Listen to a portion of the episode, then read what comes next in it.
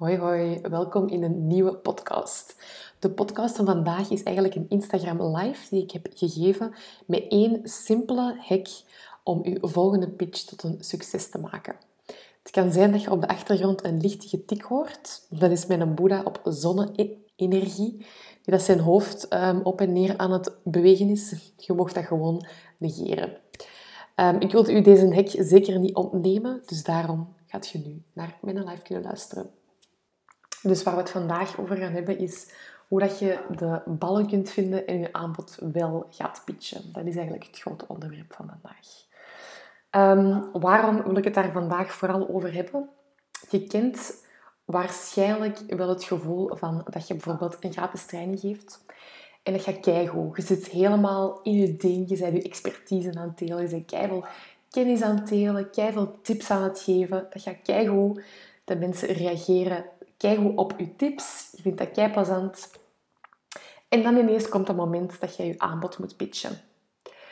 En je voelt een gigantische drop in je energie. Je gaat echt van echt een 10 op 10 van dat gaat hier keigoed naar eh, fuck, ik moet mijn aanbod pitchen.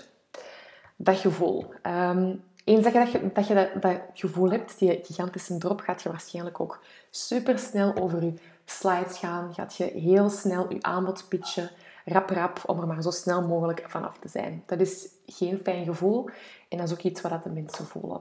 Het kan zijn dat je dat al eens voor hebt gehad. De andere optie dat je misschien al wel eens voor hebt gehad, is dat je een intake had met een van je potentiële klanten. Dat dat keigoed ging, maar dat die een intake gewoon plots is veranderd in een gratis advies. En dat is ook echt heel vervelend. Um, waarom is dat vervelend? Je geeft daar tips, dat is voor die potentiële klant zalig.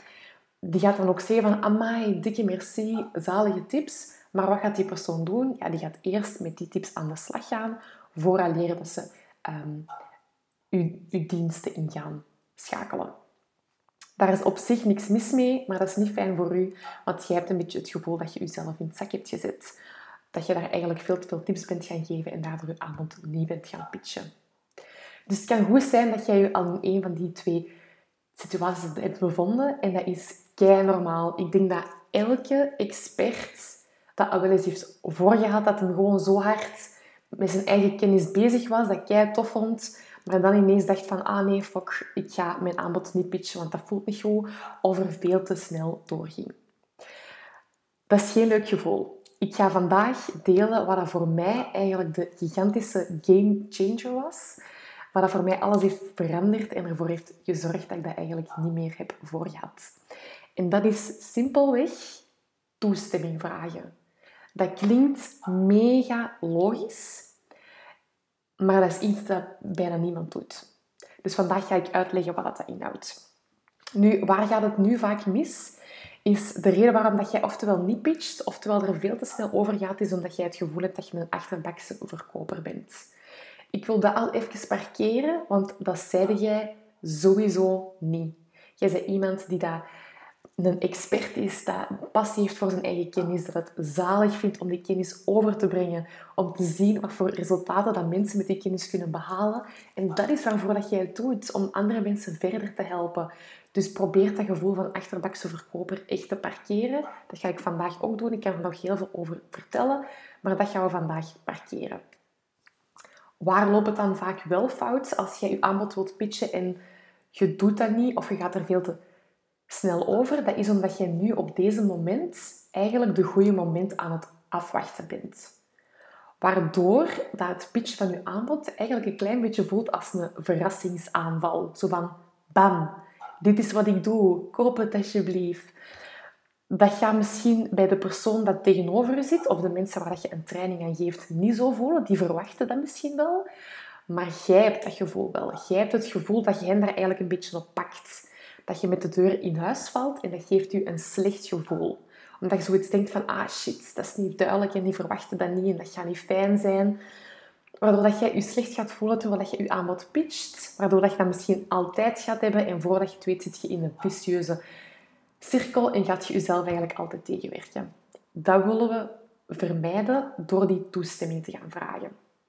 Ik ga in deze sessie uitleggen hoe je toestemming kunt vragen, zowel in je één op eens als als je een uh, klassikale training geeft of, of iets voor een hele groep mensen. Dus hoe dat je dat uh, precies aan gaat pakken.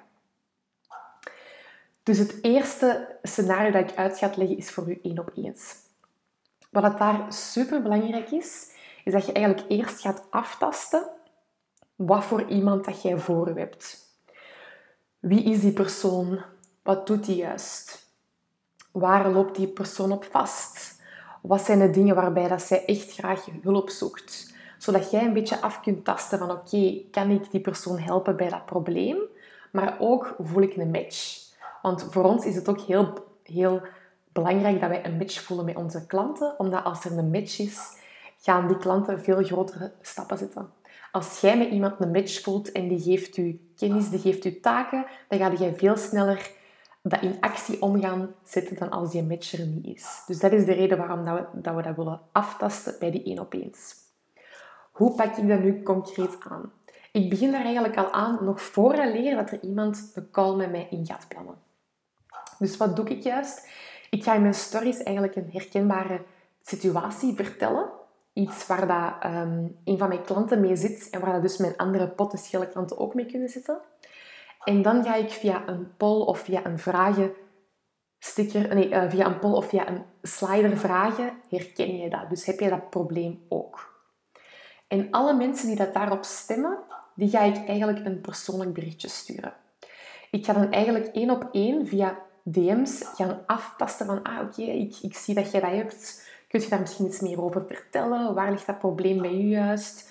Zodat ik een beetje af kan tasten ehm, naar wat die persoon op zoek is en of ik die persoon daarbij kan gaan helpen. Dus dat is hoe dat ik dat in de eerste plaats aan ga pakken. De kans is ook groot dat ik dat bij één van jullie al wel eens gedaan heb. Dat ik op die manier eigenlijk zo ooit, ooit al eens een gesprek ben begonnen. Ook daar weer, dat ligt buiten je comfortzone. Een gesprek starten, dat is niet, um, niet evident, maar je moet dat echt iets zien als ik ga mensen helpen. Ik ga gewoon eens polsen oké, waar zit uw probleem en kan ik u daarbij helpen? Om dan eigenlijk het bruggetje te gaan maken naar het pitchen van uw aanbod, dat is het moment dat we die toestemming gaan vragen. Dus stel, die persoon die deelt heel veel info, die zegt van ja oké, ehm, ik zit met probleem X of Y of Z um, en jij voelt van oké, ik kan die persoon daar echt bij helpen. Dat is eigenlijk het moment waarbij dat je een berichtje gaat sturen en gaat zeggen oh, dat is echt iets waar ik u bij kan helpen. Ik zou dat graag met u willen bespreken in een vrijblijvend ge, gesprek. Zie jij dat zitten? Die zin, zie jij dat zitten, is echt cruciaal. Dus dan gaat je die toestemming vragen. Wat is hier de grote fout dat heel veel mensen doen? Is gewoon zeggen, ah ja, ik kan u daarbij helpen, hier is de link, boek een call in. Dat verschil lijkt niet gigantisch groot, maar dat is immens groot. Want wat is het verschil? Als je gewoon die link van je call gaat delen, dan gaat die persoon zich ook weer een beetje gepakt voelen. Want ja, het was eigenlijk gewoon een leuk babbeltje. Je hebt wat info zitten delen en ineens, bam, deelde jij je aanbod. En dan is het zo van, ah oké, dus dat gesprek dat was niks waard en je wilt gewoon je aanbod delen. Zo voelt dat dan aan voor die persoon. Terwijl, als jij eigenlijk gewoon gaat vragen van oké, ik kan je daarbij helpen, zo daar eens over babbelen, zie je dat zitten, dan geef jij de controle aan die persoon. Dan gaat die persoon zelf kunnen bepalen ja of nee. Waardoor dat het vertrouwen in u ook immens gaat stijgen. Je komt niet over als iemand van, ah oké, die wil gewoon verkopen. Nee, die wil met mij echt praten. Die wil echt weten van, oké, waar zit het probleem en hoe kan ik u daarbij helpen? Dus dat is het grote verschil. Dat is wat je daar gaat doen. Ik hoop dat dat al duidelijk is. Dan in de volgende stap, als die persoon dan effectief een intake gaat boeken, wat je daar gaat doen om te vermijden dat dat verandert in een gratis advies, is dat je ook weer vooraf al gaat, ja, eigenlijk al gaat vertellen dat je je aanbod gaat pitchen. Ik ga zeggen hoe ik dat meestal doe. Je gaat gewoon eerst al vertellen wat je gaat doen en dan gaat je zeggen op het einde van onze call, als het een match is, hebben we een gesprek over hoe een samenwerking er zou kunnen uitzien. Is dat oké voor jou? Dus daar vraag je ook weer van, oké, ik ga op het einde mijn aanbod pitchen als het goed voelt. Is dat oké voor u? En die persoon ik kan u garanderen, gaat altijd ja zeggen.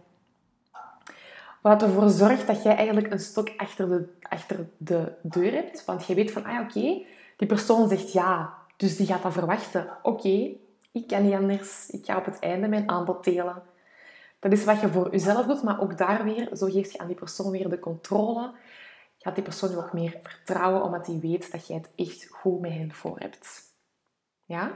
Dus dat is eigenlijk hoe dat je dat één op één aan gaat pakken. Door via je stories eerst mensen ehm, te gaan leren kennen, het gesprek aan gaan gaan en polsen van oké, waar zit uw probleem juist, kan ik u daarbij helpen? En wanneer het goed voelt, gaat je dat trekken naar een één op één call. Gaat er ook weer eerst de toestemming voor vragen en tijdens die call start je ook weer met het vragen van die toestemming. Ja? Dus dat is hoe dat je dat doet voor de één op eens. Dan het tweede luik is, hoe gaat je dat doen als je voor een hele grote groep, um, oftewel live staat, oftewel een online training geeft. Dat is iets anders, want daar kun je niet één op één gaan polsen van oké, waar zit die persoon juist mee? Kan ik hen daarbij helpen? Dus je kunt niet één op één dat vertrouwen op gaan bouwen. Hoe pak je dat dan daar juist aan? Daar gaat je eigenlijk het vertrouwen gaan opbouwen door echt een zot waardevolle training te gaan geven. Je gaat echt heel veel vertellen over je kennis. Je gaat vooral concrete tips geven waar dat mensen mee aan de slag kunnen. Zodat ze eigenlijk een beetje omver worden, worden geblazen en dat ze echt zien van wow, die weet echt waar ze over praat. Dat is echt een expert. Dat is wat je in die training wilt doen. Ik hoor van heel veel klanten van ik weet nooit wat ik daarin moet steken. Ik wil niet te veel weggeven.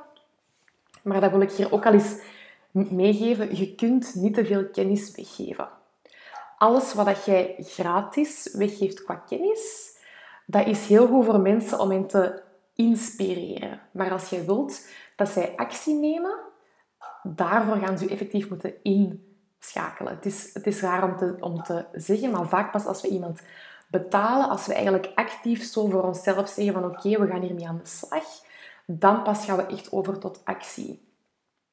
Dus voel je nooit slecht om te veel kennis weg te gaan geven. Daar gaat je de mensen echt mee inspireren. Gaat al wel wat verandering kunnen teweegbrengen. Maar als ze echt die transformatie willen, daarom moeten ze u gaan inschakelen. Dus in dat opzicht kun je nooit te veel info weggeven.